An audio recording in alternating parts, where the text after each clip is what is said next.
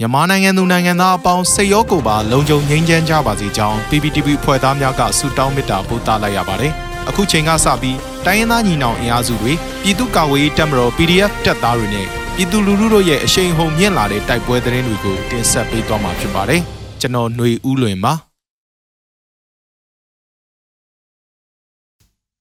ပထမဆုံးအနေနဲ့ဟာကားမြို့လေကောင်ရှိစစ်ကောင်စီရဲ့ပြည်내ရဲအရန်တပ်ရင်းကိုချင်းပူပေါင်းတပ်ဖွဲ့အလက်ဝင်တိုက်လို့ စစ်ကောင်စီတပ်ဖွဲ့ဝင်9ဦးသေဆုံးတဲ့သတင်းကိုတင်ဆက်ပါပါ။ချင်းပြည်နယ်ဟာခါမြို့လေကောင်မှာတပ်ဆွဲထားတဲ့အကြမ်းဖက်စစ်ကောင်စီရဲ့ပြည်내ရဲအရန်တပ်ရင်းကိုချင်းပူပေါင်းတပ်ဖွဲ့ကဒီနေ့နိုဝင်ဘာလ9ရက်နေ့မနက်အစောပိုင်းမှာဝင်ရောက်တိုက်ခိုက်ခဲ့ပြီးစစ်ကောင်စီတပ်ဖွဲ့ဝင်9ဦးသေဆုံးကြောင်းချင်းအမျိုးသားတပ်ဦး CNF ထံမှသိရပါဗျ။ချင်းပူပေါင်းတပ်ဖွဲ့ကအဆိုပါစစ်ကောင်စီတပ်ဆွဲထားတဲ့နေရာကိုဒီနေ့မနက်အစောပိုင်းကဝင်တိုက်ခဲ့ပြီးစစ်ကောင်စီဘက်ကပြန်လည်ပစ်ခတ်နိုင်ခြင်းမရှိခင်မှာအလျင်အမြန်ဆုတ်ခွာနိုင်ခဲ့ကြောင်း၎င်းကဆက်ပြောတာပါ နိုဝင်ဘာလ6ရက်နေ့ကလည်းဟာခါမြို့အထွတ်ကြောပုတ်စစ်စေးရေးဂိတ်နဲ့ဟာခါမြို့မှာရဲစခန်းအနောက်ဘက်ဟာခါဒိုချိန်လန်အနီးမှာတပ်ဆွဲထားတဲ့စစ်ကောင်စီတပ်ဖွဲ့ကိုချင်းပူပေါင်းတပ်ဖွဲ့ကဝင်ရောက်တိုက်ခိုက်ခဲ့ပြီးစစ်ကောင်စီတပ်သား17ယောက်သေဆုံးခဲ့ပါသေးတယ်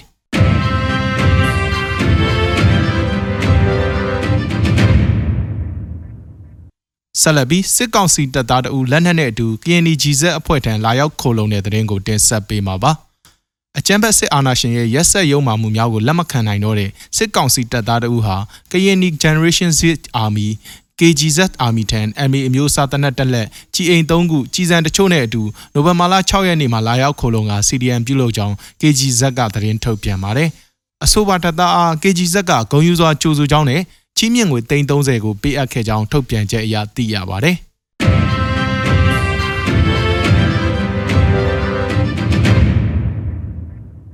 ဆက်ပြီးရမပင်မြို့နယ်မှာစစ်ကောင်စီနဲ့ဒေသခံပြည်သူတပ်ဖွဲ့အကြားထိတွေ့တိုက်ပွဲတွေဖြစ်နေတဲ့သတင်းကိုတင်ဆက်မှာပါ။အောင်စီယာရဲတပ်ရင်းကနေရဲမပင်မြို့နယ်ဘက်ကိုတက်လာတဲ့စစ်ကောင်စီစစ်ကြောင်းတွေဟာယမန်နေ့နိုဝင်ဘာလ9ရက်နေ့မနက်9:00နာရီကတည်းကဒေသခံပြည်သူ့ကာကွယ်ရေးတပ်ဖွဲ့တွေနဲ့ထိတွေ့မှုတွေဖြစ်ပေါ်ခဲ့ပြီးနှစ်ဖက်အကြအဆုံးတွေရှိနေတယ်လို့ဒေသသတင်းရင်းမြစ်တွေအဆိုအရသိရပါတယ်။တေပင်ကန်အဝင်မှာမိုင်းခွဲခံရပြီးစစ်ကောင်စီတပ်ဖက်ကလည်းလက်နက်ကြီးတွေနဲ့ပြန်ပစ်လို့ဒေသခံတွေထိခိုက်ဒဏ်ရာရခဲ့တယ်လို့ နှော်ရိုးကောင်းဆက်ဘက်မှာလည်းမိုင်းထက်ထီလို့စစ်ကောင်စီတပ်တွေအထိခိုက်ရှိခဲ့ပြီးပြည်သူ့ကာကွယ်ရေးတပ်ကလည်းနှစ်ဦးလက်နက်ထိမှန်ကြာဆုံးခဲ့တယ်လို့ဒေသခံတွေကပြောပါတယ်စစ်ကောင်စီတပ်ဘက်က30ကျော်လောက်ထိခိုက်ဒေဆုံးမှုရှိတယ်လို့ဒေသခံတွေကဆိုပေမဲ့စစ်ကောင်စီဘက်ကတော့အတီးပြုတ်ဖို့ညှင်းဆန်ပါတယ်။အာနာသိန်းစစ်ကောင်စီကိုစကိုင်းတိုင်းဒေသကြီးနေရအနှံ့အပြားကပြည်သူခုခံစစ်ဆင်နွှဲနေကြတာဖြစ်ပြီးရရလက်နက်နဲ့အစောဆုံးတော်လှန်ခဲ့တဲ့နယ်မြေတွေထဲမှာရင်းမပင်မြို့နယ်လည်းပါဝင်ဖြစ်ပါတယ်။ လက်ရှိအချိန်စစ်ကောင်စီစစ်ကြောင်းဟာရင်းမပင်မြို့နယ်တွေကရွာတွေကိုအင်အားရာချီဝင်ရောက်မှွေနှောက်နေတယ်လို့ဒေသခံတွေအဆိုအရသိရပါတယ်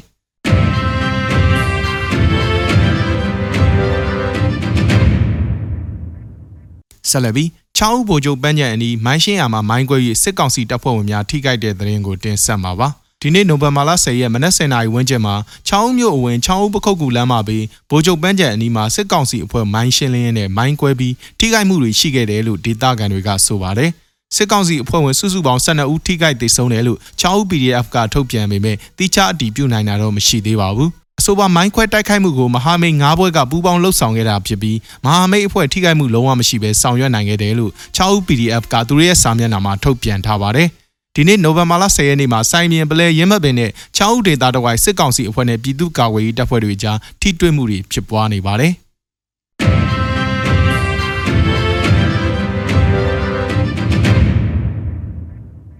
နောက်ဆုံးအနေနဲ့အမျိုးသားညီညွတ်ရေးအစိုးရပြည်ထရေးနဲ့လူဝင်မှုကြီးကြပ်ရေးဝန်ကြီးဌာနကနိုဝင်ဘာ10ရက်ရက်စွဲနဲ့ထုတ်ပြန်တဲ့ပြည်သူ့ခုခံတော်လှန်စစ်သတင်းအချက်အလက်တွေကိုတင်ဆက်ပေးသွားမှာပါ။အာဏာသိမ်းအကြမ်းဖက်စစ်အုပ်စုရဲ့ပြည်သူလူထုအပေါ်အကြမ်းဖက်ဖိနှိပ်ဖမ်းဆီးတိုက်ခိုက်တပ်ဖြတ်နေမှုများကိုပြည်သူလူထုတရက်လုံးကအသက်ရှင်တန်ရေးအတွက်မိမိကိုယ်ကိုမိမိခုခံကာကွယ်ပိုင်ခွင့်အရာပြည်သူခုခံစစ် People's Defensive War ကိုဆင်နွှဲလျက်ရှိပါတယ်။သတင်းအချက်အလက်များအရ9ရက်17လ2021ရက်နေ့မှာရန်သူစီရေးပြစ်မှတ်73နေရာအုပ်ချုပ်ရေးပြစ်မှတ်16နေရာနဲ့စီးပွားရေးပြစ်မှတ်တနေရာတို့ကိုခုခံတိုက်ခိုက်နိုင်ခဲ့ပါတယ်။စစ်အာဏာရှင်စနစ်မြမမြေပေါ်ကအပိတိုင်ချုပ်ငြိမ်းရေးနဲ့ Federal Democracy တိဆောက်ရေးအတွက်ငြိမ်းချမ်းစွာဆန္ဒပြတဲ့လူထုတပိတ်တိုက်ပွဲများကပြည်내နဲ့တိုင်းဒေသကြီးများမှာဖြစ်ပွားပေါ်ပေါက်လျက်ရှိပါတယ်။မြေပြင်မှာယခုတွေ့ရတဲ့သတင်းအချက်အလက်များထက်ပို၍ဖြစ်ပွားနိုင်ပါတယ်ခင်ဗျာ